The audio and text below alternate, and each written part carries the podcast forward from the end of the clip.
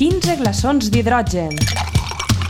El podcast de llengua i tecnologia de Softcatalà. Amb Aleix Vidal.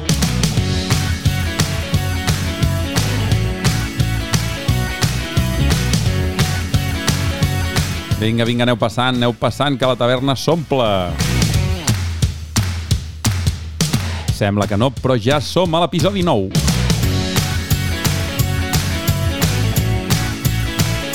Nou episodis i algun especial que han anat omplint aquesta temporada, aquesta primera temporada del 15 glaçons d'hidrogen.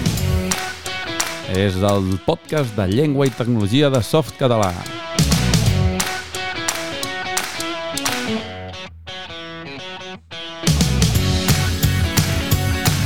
El vam començar un any estrany, l'acabem un any que, que encara continua sent estrany, l'acabem aquesta temporada.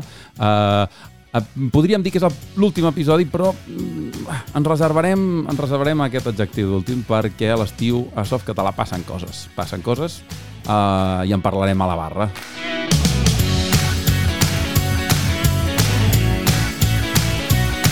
Avui a la barra hi ha molta gent, per cert. Però abans d'arribar a la barra farem l'aperitiu d'actualitat, com sempre, amb l'Artur, que hem recuperat aquest episodi nou. Entrarem al rebost digital amb en Xavi Bars, que ens presenta algun programa relacionat amb el correu. Pararem la taula amb una de les millors veus de soft català.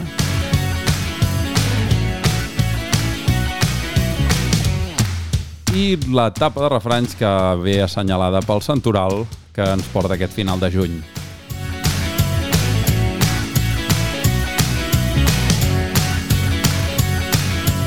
Encarant aquest estiu que esperem que sigui eh, gaudible per tothom, eh, només ens queda recordar-vos eh, on ens podeu sentir a les principals plataformes de podcast, Spotify, Google Podcast, iTunes, etc. I també al nostre web softcatalà.org.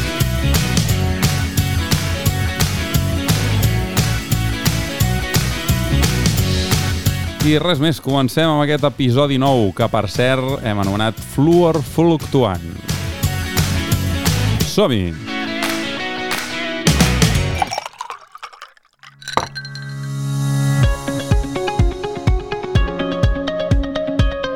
L'aperitiu d'actualitat. Doncs si recuperem l'Artur, eh, aquesta vegada el tenim amb nosaltres per repassar una mica l'actualitat. Hola Artur, com estàs? Hola Aleix, com estem? Doncs a veure, què ens portes avui per pica, per, de pica-pica una mica? Què tenim? Doncs avui porte eh, només titulars, perquè la veritat és que repassant l'actualitat del mes de juny ha sigut un poc, per al meu, el meu entendre, poc escàs. Poc, poc bé, escàs. repassem, Es, repassem. es nota que s'acosten les vacances i el, el ritme frena, eh, de, de notícies, i tant, això passa. El juliol, a l'agost passa Sí, sí. més, però al juny ja ho hem començat a notar, si més no pel que fa a tecnologia i llengua, no?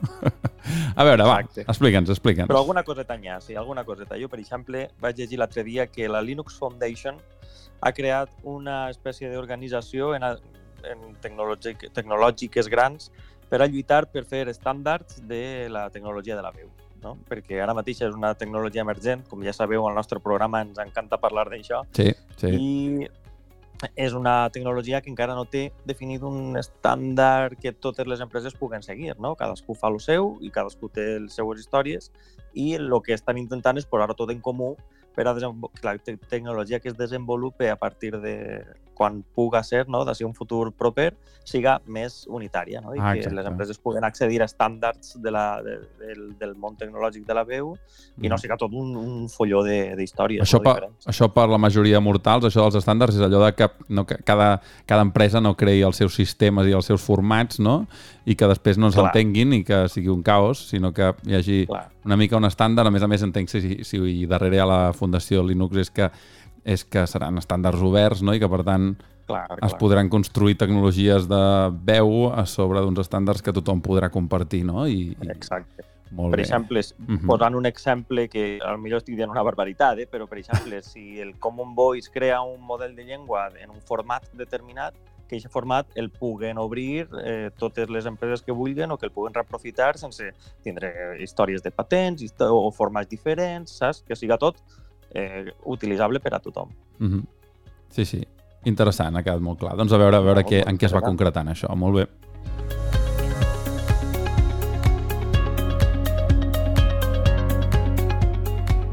I a veure, què més, què més tenim per aquí al guió? Doncs ara una o sigui, no podem dir notícies d'actualitat tecnològica sense comentar la gran notícia del mes, no? que és que han eh, publicat o presentat el Windows 11, no? bueno, més publicat, eh, presentat que publicat, perdó, uh -huh. perquè han fet la gran presentació del nou sistema operatiu de Windows i, bueno, només comentar-ho per damunt, no? Eh, no? Com encara no es pot provar, només per als beta testers i tal, bueno, pues, esperem que en lo que mos eh, siga nosaltres el nostre cas d'ús, no? de, la, de si està en català o no. Mm, el, això, això ens interessa. Clar, si el, el Windows 11 imagina que continuarà tenint el paquet de llengua en català. De fet, pel que han vist, eh, alguns companys ens han comentat uh -huh. que fins ara teníem un paquet de llengua per aplicar al català. No? Això t'anava a dir, no? Que, les... Fi, per, fi, perdona, perdona, eh? però jo pel que sé, fins ara els Windows des de, no sé si des del Windows 7, bueno, jo com a mínim recordo o Windows 7, potser el, el Vista també, no? No ho sé.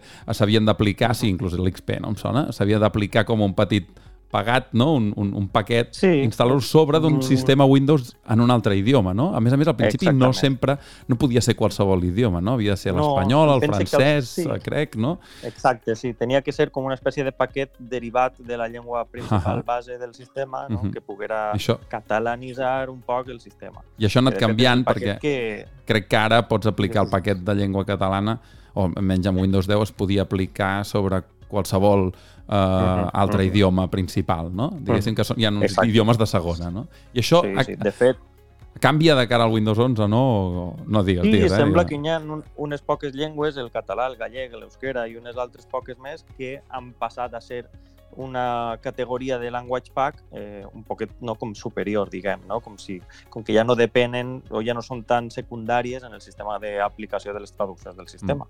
Mm -hmm. Que esperem, esperarem a veure el Windows 11 de, de testejar-ho nosaltres i de veure si es pot fer o no es pot fer, o si és fàcil o no.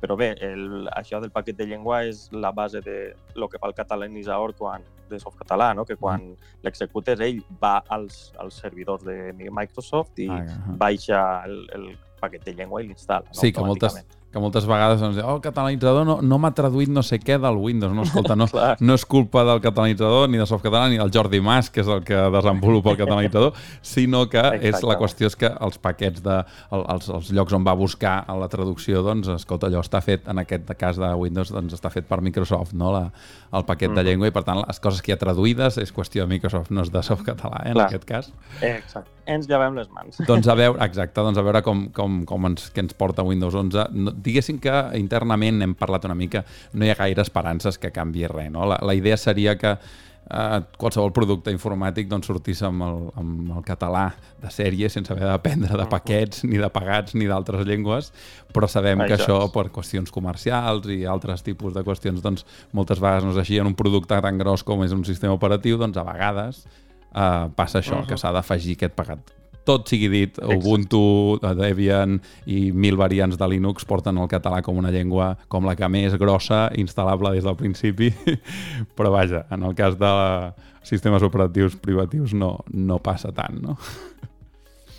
Llàstima, però que no, sí. Que s'entengui com una invitació a utilitzar sistemes operatius lliures. Des d'aquí no podem fer una altra cosa que fomentar-ho, però evidentment també comentem doncs, que el Windows 11 sembla que seguirà incloent el català, no? I Molt bé. que no canvi, que siga d'ací a millor. Exacte.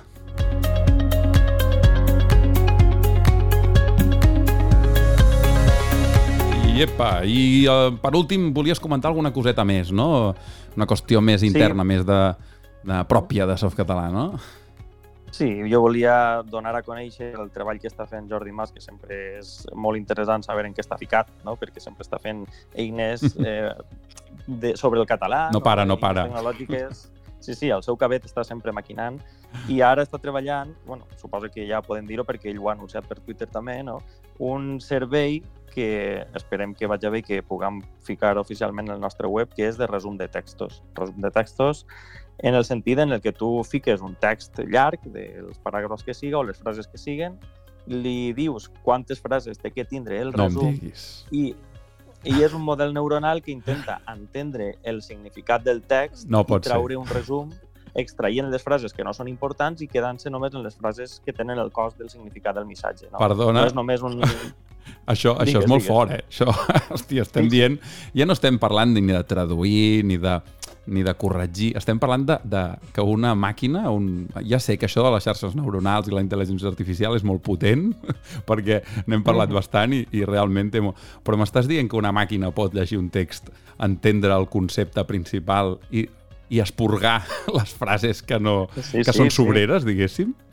Clar, la idea és això, que entrenem un model neuronal en molts de textos i els corresponents de manera que aprèn a entendre el, el tema i, no? i la, la part principal del text i la idea principal i eliminar totes les frases que no siguen eh, rellevants. No? Déu-n'hi-do.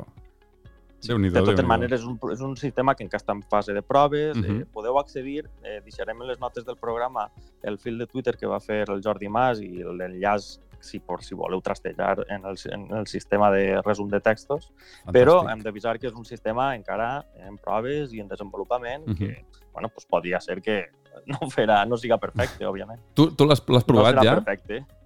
Sí, jo l'he provat. I què, i què, i què? textos.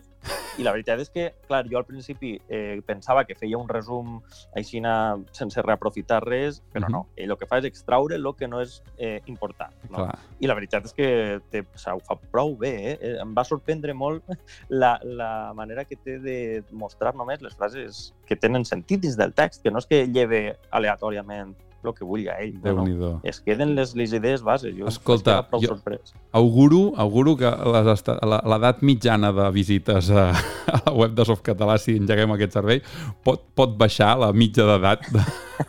perquè em sembla que aquí hi ha molt estudiant d'institut i, bueno, potser una mica més, que, que els hi aniria com manell al dit. Estic bueno, segur que els professors, si això es, es popularitza entre els estudiants, els professors trauran un mètode de detectar els resums del softcatalà. Jo crec que, si més no, aquí, aquí al Principat, jo crec que la xarxa de telemàtica educativa a Catalunya ens banejarà directament el domini, eh? O sigui, des dels ordinadors de l'educació, per mi que posarà softcatalà.org i et dirà error 404.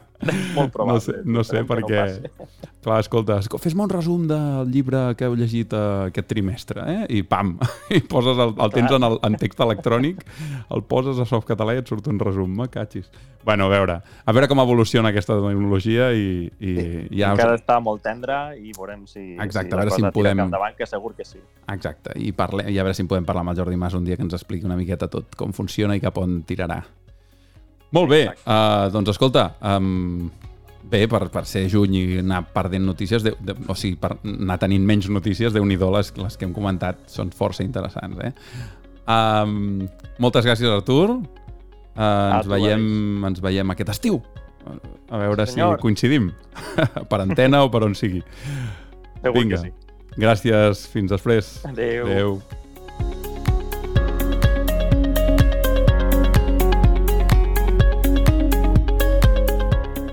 I després d'aquest tastet d'actualitat, eh, acostem-nos cap al rebost, perquè en Xavi em sembla que ens té preparada una sorpresa interessant, sobretot per aquells que estem tan mal acostumats al correu web, als clients web de correu. Eh, passeu, passeu cap al rebost.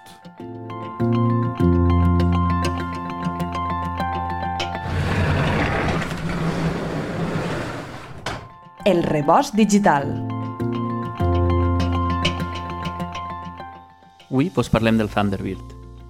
El Thunderbird és un client de correu lliure, de codi obert i gratuït, disponible tant per a Windows, Linux i Mac. És un dels projectes que desenvolupa i ofereix l'associació Mozilla, així com el Firefox o el Common Voice. I també és un dels programes als que li tenem una estima especial, ja que com el Firefox va néixer a partir del codi del primer programa que vam traduir fa més de 20 anys, el navegador. El Thunderbird té una gran quantitat d'opcions de personalització. Incorpora les característiques més útils que pot necessitar un client de correu electrònic avui en dia. Filtres de missatges, gestió del correu brossa amb autoaprenentatge i moltes altres. Tot això, juntament amb les opcions a les quals podem estar més habituats, com ara la cerca de missatges o una llibreta d'adreces personals. A més, compta amb diverses opcions de privadesa, que us permeten protegir l'accés als vostres correus, així com protegir-vos de la pesca electrònica, phishing, o d'enllaços i imatges maliciosos.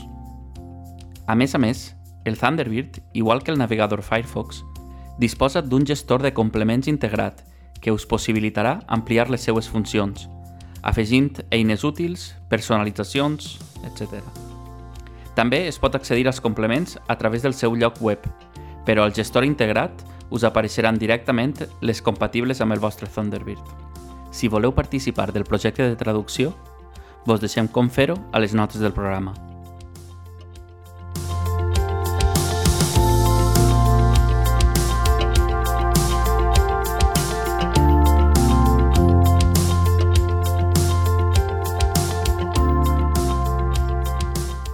No ens movem de Benissa perquè avui al Parem Taula eh, tenim a la Belén. Reconeixereu la seva veu segur, de ben segur.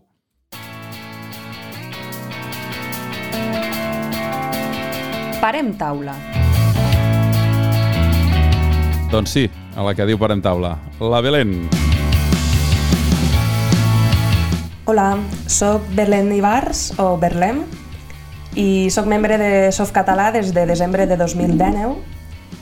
Eh, jo arribe perquè el meu germà ja és membre, Xavi Bars, i, i bé, jo en aquell moment estava en l'atur, estava reconvertint-me a, a l'entorn digital i duia diverses xarxes i bé, en aquest aspecte faltava com un poc aquest perfil en, en softcatalà, així que el meu germà em va convidar a, a col·laborar i la resta va estar d'acord.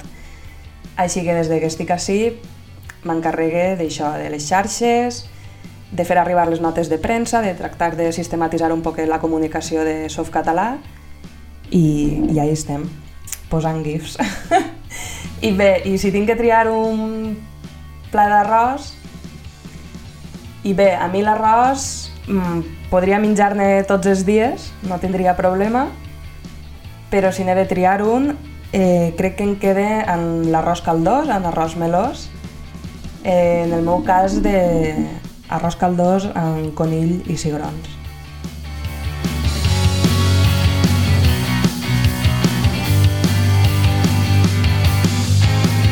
Doncs déu nhi aquest arròs. Abans, però, jo faria passar una mica de refranys d'en Josep, eh que sí? Doncs vinga, som-hi.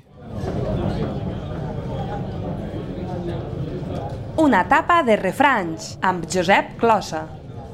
Idò, amb aquest temps beníssim, on els dies són llargs, afrontant les rebelles de Sant Joan i Sant Pere. Entremig, cal no descurar ses obligacions.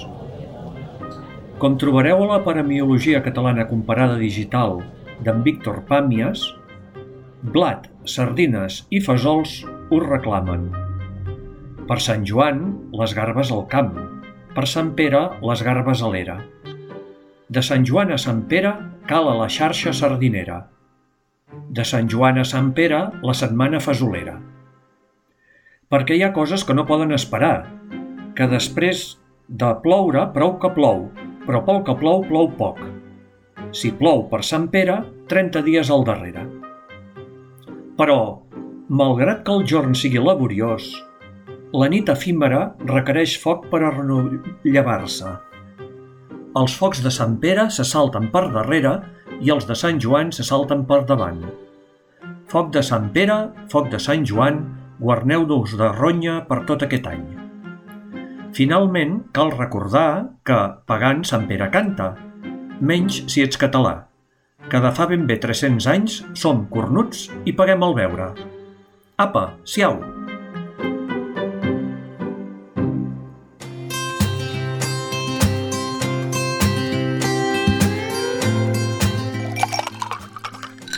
A la barra.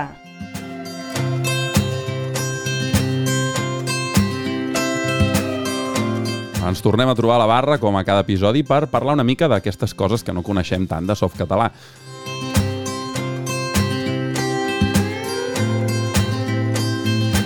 Avui hem convidat en Xavi Bars. Hola, Xavi.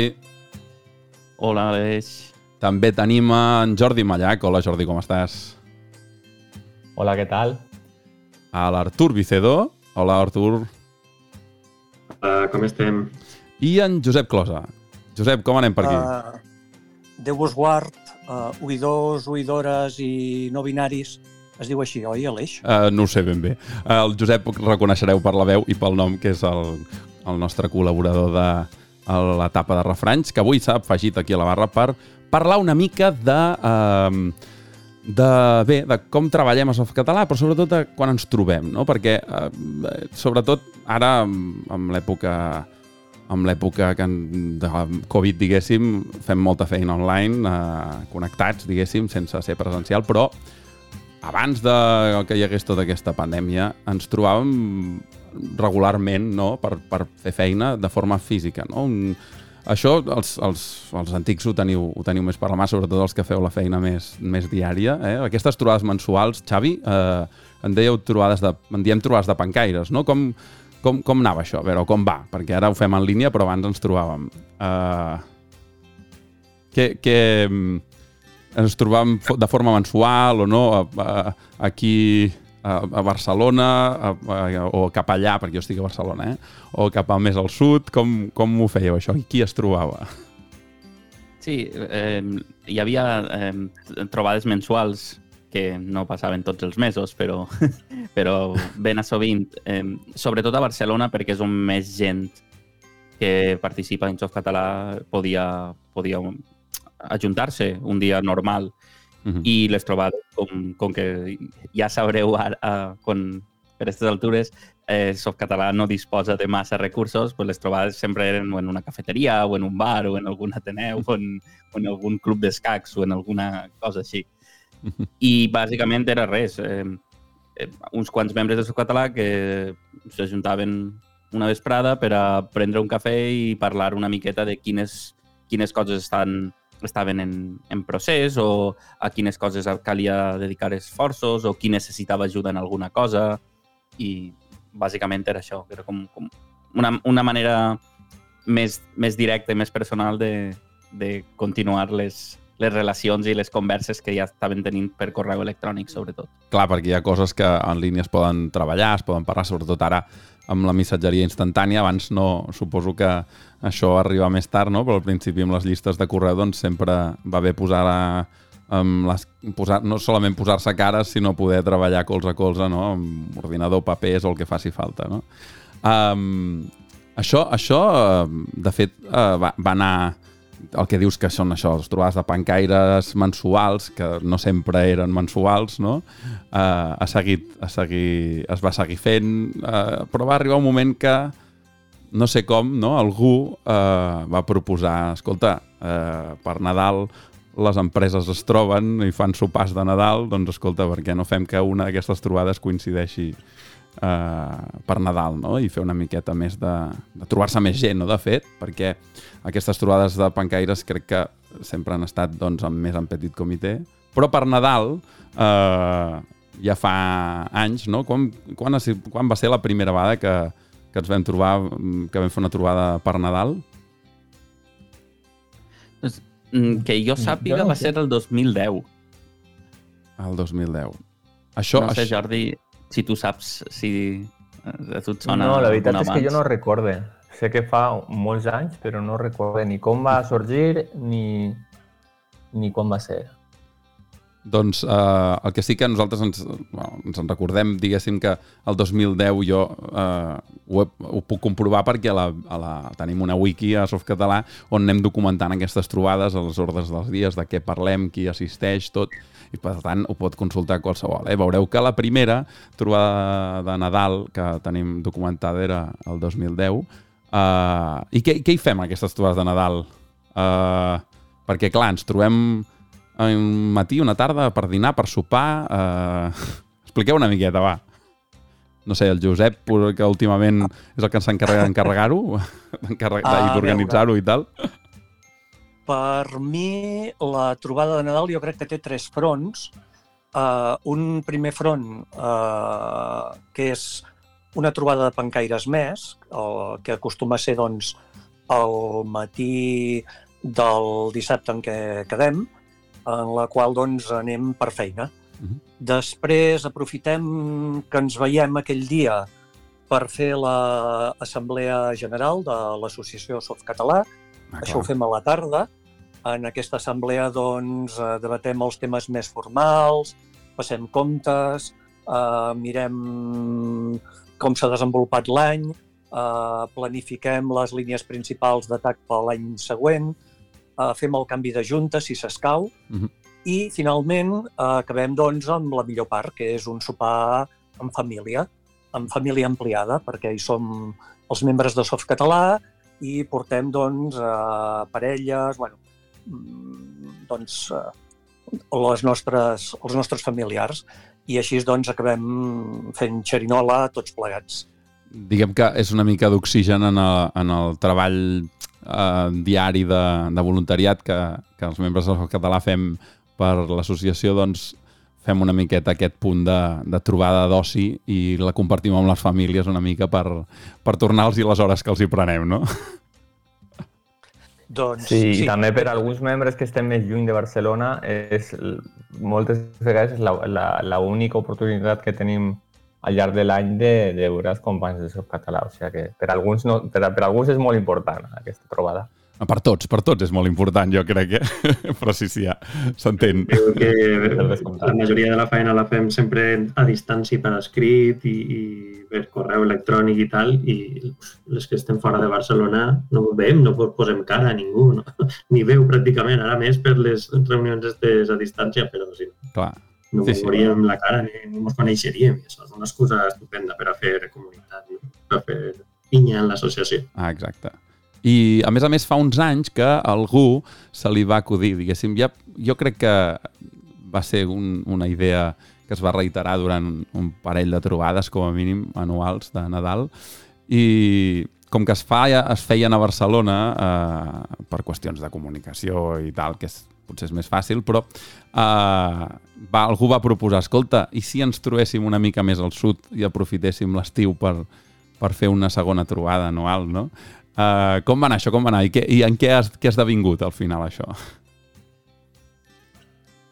A veure, qui vol, qui vol. és una, una d'aquestes coses que comença com una broma, no? Sí, sí, sí, sí. que Estem allí, eh, estem allí superbé en, en el sopar de Nadal, algú diu, això ho hem de, de repetir en estiu. I ho dius tres vegades i al final, pues, Claro. I, però més al sud, al País Valencià, sí, sí, sí. I mira, al final...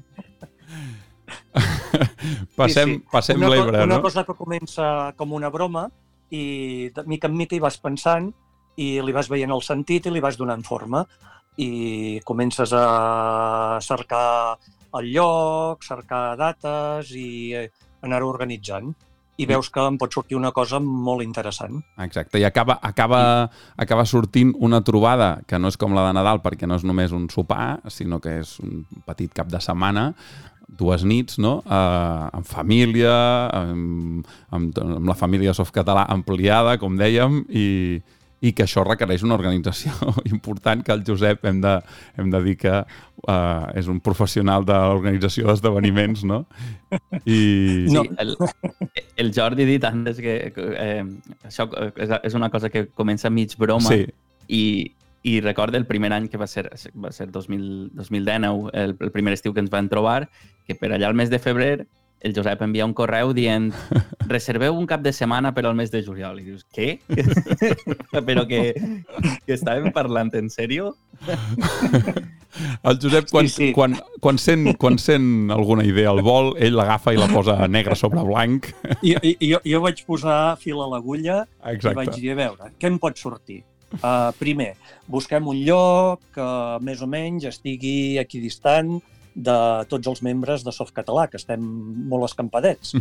Per tant, doncs, uh, un bon lloc semblava el Maestrat. Uh, després busquem un, una casa rural o un allotjament on puguem estar tots plegats, tots junts, que puguem fer feina, que tinguem també temps de lleure, que tinguem bona connexió wifi, que, que compleixi un requisit. Sí, sí, I de déu-n'hi-do. mica en mica doncs, eh, es va anar, va anar prenent forma això. I quan ja ho teníem lligat, doncs, mm, bueno, vam acabar de mirar, descartar alguns llocs possibles, algun perquè era massa, massa al sud o no tenia bones comunicacions eh, per internet per poder treballar o altres motius, i al final vam trobar el nostre lloc ideal, que realment és, un, és una estada que allà on anem estem com, com, com si és, és com un guant per nosaltres perquè està molt adaptat a la nostra manera de treballar i a la grandària de, de, de Softcatalà pels membres que hi anem. Mm -hmm. Sí, sí, podem dir, eh? nosaltres tenim el nostre propi sant, hi ha qui parla de Sant Google, per nosaltres el nostre sant és Sant Mateu, oi? Uh, tot, cal dir que, que està tan, tan ben organitzat que, que fins i tot uh, dies abans um, uh, bastants dies abans um, perfilem els menús i tot, no? Uh, algú vol explicar una miqueta això? No, doncs això el mateix que va passar amb el correu que va enviar de reserveu un cap de setmana. Exacte. Quan falten un mes i mig això per a la trobada, el Josep Maria envia un correu i diu comenceu a preparar, penseu que voleu menjar. I clar, sincerament, quan falta un mes, jo que sé que voldré menjar. Surten... Diumenge 25 de juliol, no que sé. Comencen a volar confits d'ànec, xurrascos, sèpies... No? Sí. A mi ja m'ho diuen a casa que uh, em surt sempre la beta organitzadora i de vegades massa i tot. No, no. no però, però està molt bé perquè després la veritat és que facilita molt les coses perquè uh -huh. això després arribem al lloc i està tot, està tot preparat. I, i acaba sent això una de trobada, fet... una trobada de, de, de retorn de la feina que fem durant tot l'any, no? Com dèiem, a més a més aquesta a Sant Mateu doncs, sí. per, per les famílies també és un, un agraïment que els hi fem, no? Una mica.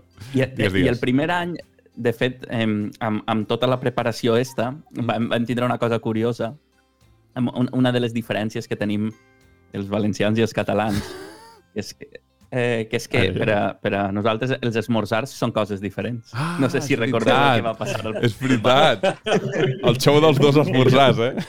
Clar, el Josep Maria havia, el Josep Maria havia Eh, el Josep Maria és d'Igualada, per, per, per, per ubicar, eh? Sí. Clar, i va demanar, va reservar un esmorzar per a una vintena de persones, o 25, o no recordo els que érem. Eh, per cert, a tots els que ens esteu escoltant, si voleu tindre una... Busqueu a Google esmorzar i feu clic al botonet d'imatges i després escriviu esmorzar valencià i mireu les imatges i veureu la diferència. Veureu de què parlem. Ni continental ni merdes, eh? Valencià. No, no, no, no esmorzar valencià. I, I clar, doncs el bar va preparar un bon esmorzar i ve a, ve a, a prendre la... La nota? Això, la comanda. Sí. I, i comença a preguntar què voleu i un diu, un cafè amb llet i un altre, jo un té i, i, el, i el del bar diu però que no veníeu a esmorzar? I, clar, l'home estava esperant a començar a traure cerveses i a començar a traure el que, el que es més. de quilòmetres i cacaus i de tot. Clar, clar. I resulta que el, que el, que el que volíem fer nosaltres eh, era un desdejuni, no? Com en dieu? Correcte, correcte. Sí, sí, la, la grandesa de les, de les de les precisions lingüístiques, eh? que a vegades ens donen moments molt, molt còmics divertits. Um, no sé si voleu comentar alguna altra cosa aquesta trobada d'estiu, no? que, que també de fet, hem de, hem, hem de dir que l'última trobada de Nadal no es va poder celebrar, per, evidentment, per, per tota la pandèmia i les, les circumstàncies de seguretat sanitàries i tal. I, i bé, i aquest any esperem, estem esperant amb candeletes de, de poder, que sembla que tot indica que sí, no? de poder fer la trobada d'estiu a Sant Mateu. I, i bé, eh, qui sap si farem un episodi especial des d'allà, no? Del podcast. I sí, estaria molt bé. Estaria molt bé, doncs uh, esperem a veure que, si, si ens en sortim. Uh, doncs escolteu, uh, jo crec que ha quedat força clar aquestes trobades presencials i especials que fem des de, amb, amb els companys de Softcatalà. Um, i moltes gràcies per comentar-ho aquí a la barra, com cada episodi. Uh, Xavi, Jordi, uh, Artur, Josep, moltes gràcies per venir. Acabeu de consumir el que tingueu aquí a la barra. i Moltes gràcies a tu, Aleix. I ens veiem, ens veiem a Sant Mateu, si tot va bé. Esperem-ho, esperem-ho, que la situació vagi millorant. Ah, exacte. Ja, ja només sí, ens queden tres setmanetes, eh? Sí, exacte. Acabem aquest juny amb aquest episodi número 9 del 15 glaçons d'hidrogen. Gràcies, nois. Uh, fins aviat. Vinga, fins aviat. Adéu. Adéu.